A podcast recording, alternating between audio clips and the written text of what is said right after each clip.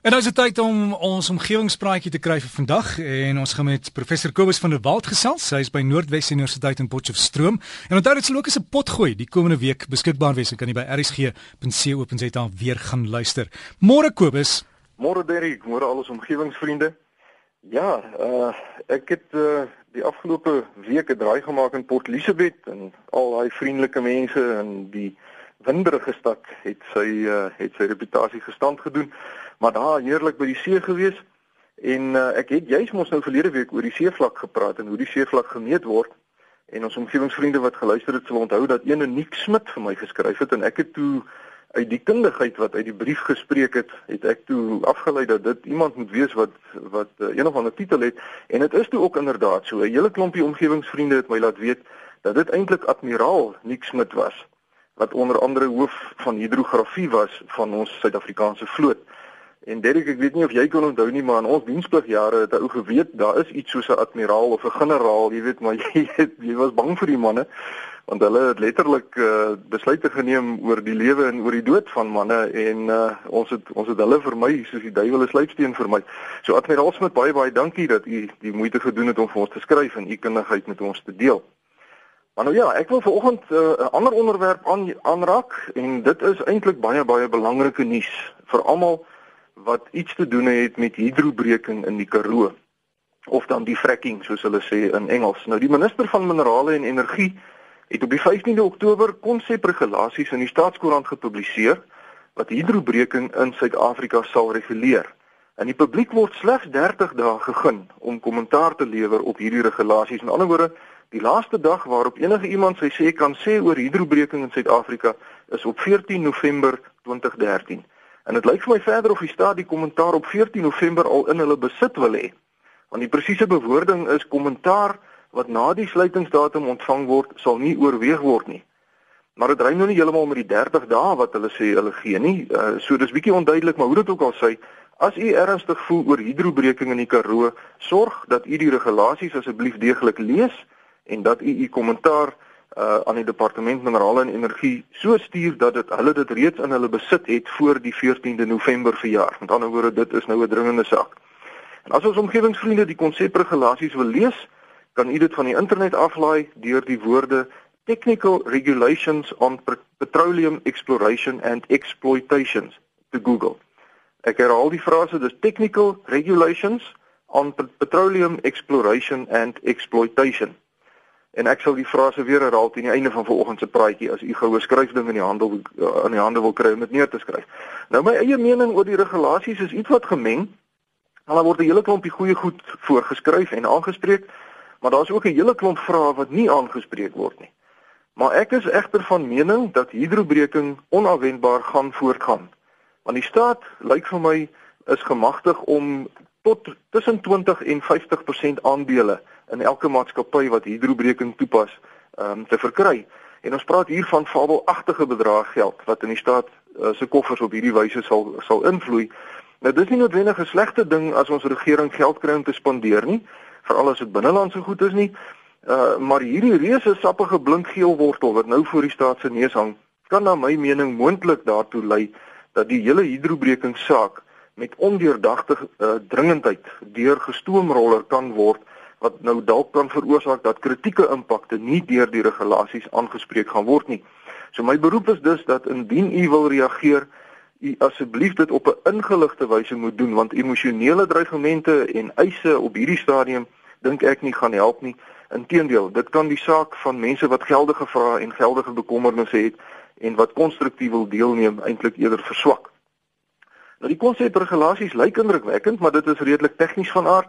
En die regering is na my mening baie baie versigtig om definitiewe standaarde of vereistes voor te skryf. Soos byvoorbeeld hulle sê as daar te veel stof is, moet die aktiwiteite gestop word, maar presies watter windsnelheid nou ter sprake is, word nie genoem nie. En ek sou nog 'n hele 'n paar ander leemtes ook kon noem, maar ek gaan eerder my vrae op skrift stel en aan die departement minerale en energie stuur en ek versoek al ons omgewingsvriende om asseblief self ook die regulasies met groot aandag te lees en u kommentaar dan deur te gee aan die staat. Ons praat hier van 'n aktiwiteit wat 'n vyfde van ons land se oppervlak kan beïnvloed.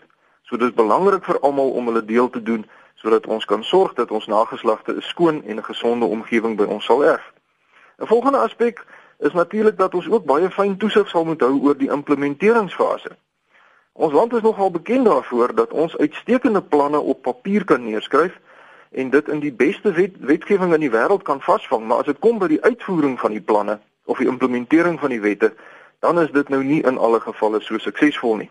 En daarom is dit ook nodig dat ons die gedeeltes in die regulasies wat handel oor monitering en toesighouding met groot deeglikheid oorweeg sodat ons kan seker maak dat daar nie skuiwergate gaan wees wanneer die hidrobreking nou eers begin nie.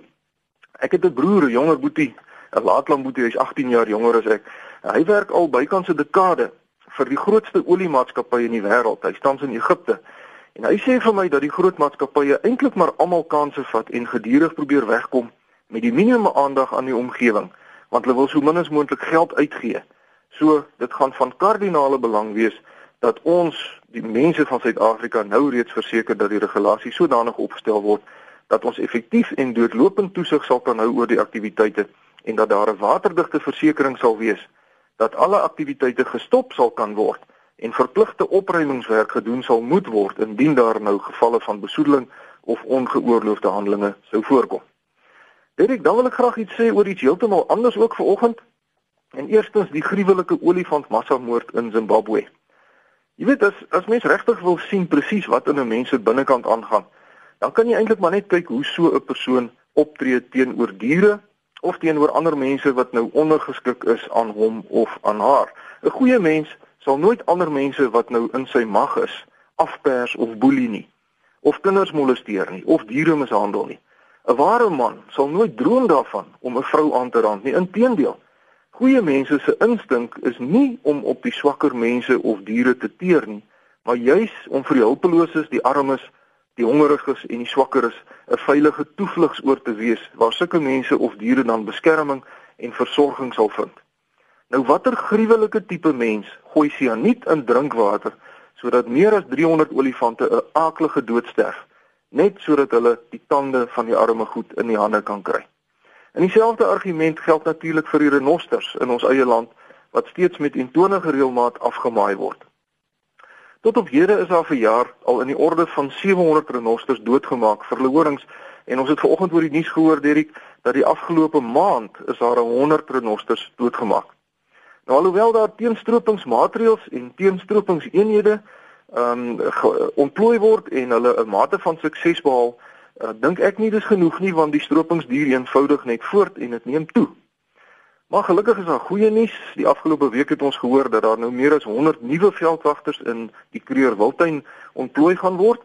En uh, nog 'n stukkie goeie nuus is die Wêreld Natuurlewe Vereniging is tans besig met 'n aksie in Vietnam om die mense daar se koppe te probeer swaai. En Joe Shaw, die koördineerder van die van van Suid-Afrika se renosterprogram, het 'n profiel opgestel van 'n tipiese renosterhoring verbruiker. Nou so 'n persoon is gewoonlik baie welgesteld. Hy of sy is ouer as 40 jaar oud en hy of sy is 'n stedeling, so hulle is woonagtig in een van die stede in Vietnam. En so 'n persoon koop die renosterhoring as 'n manier om te spog by hulle vriende oor hoe ryk hulle is. Nou dit sê al klaar vir my, jy weet as iemand nodig het om te spog hoe ryk jy is, dan is jy eintlik maar 'n klein mensie. Nou sulke mense is baie baie bewus van hulle leefstyl en hulle status en hulle voel daarom niks vir die welstand van die diere nie en in my boek klassifiseer hulle hulle self daardeur as bose of slegte mense. Nou renosterhoring is vir hulle 'n simbool van krag en mag en dit is daarom byvoorbeeld 'n gewilde geskenk om jou baas mee te beïndruk in Vietnam. Mense wat die horing as medikasie gebruik, sê hulle voel meer gemaklik in hulle eie liggame, hulle eetlus is glo beter, hulle urinekleur is glo beter, wat dit ook al beteken, en hulle liggaamstemperatuur is meer ewewigtig. Maar dit is natuurlik alles louter twak, want 'n renosterhoring bestaan uit presies dieselfde materiaal as daardie mense se eie vingernaels. Hulle glo ook dat die renosterhoring mense met gevorderde kanker se lyding verlig, wat ook nonsens is, en dan glo hulle ook dat dit 'n opkikker is vir die patetiese ouetjies wat nie mans genoeg is om op 'n natuurlike wyse die spreekwoordelike mas te kan opkom nie. Die Wêreld Natuurlewe Vereniging is nou besig om hierdie gegevens te gebruik om 'n veldtog van stapel te stuur om hierdie valse persepsies aan te spreek. En dit is nog 'n plek waar ons omgewingsvriende gerus maar hulle stemme kan laat hoor deur sulke pogings te ondersteun. Die hele wêreld moet eintlik die Vietnam die Vietnamese tot bespotting maak. Want die stryd teen wildstropery gaan ook in die harte van Asië gewen word en nie net op die vlaktes van Afrika nie. Omgewingsvriende, daarmee sluit ek af vir oggend. Lewer asseblief kommentaar op die regulasies vir hidrobreking in die Karoo en u sal dit op die internet kry deur te soek na die Technical Regulations on Petroleum Exploration and Exploitation. Ek sê dit weer, Technical Regulations, die tegniese regulasies on petroleum exploration and exploitation. As u wil, kan u gerus vir my ook skryf. Uh, my rekenaaradres is kobus.vanderwalt@nwu.ac.za of u kan my kry by die fakulteit Natuurwetenskappe, Noordwes Universiteit, Potchefstroom 2520. Vriendelike groete tot 'n volgende keer. Baie dankie Kobus. En net daai e-posadres iemand het nou hier gevra, dis 'n Kobus met een o, né? Ja, nee. nee, ek is nie belangrik genoeg om twee o's in my naam te hê nie, Derek, dis maar net Kobus met 'n K. Ehm um, van der Walt uitgeskryf by nwu.ac.za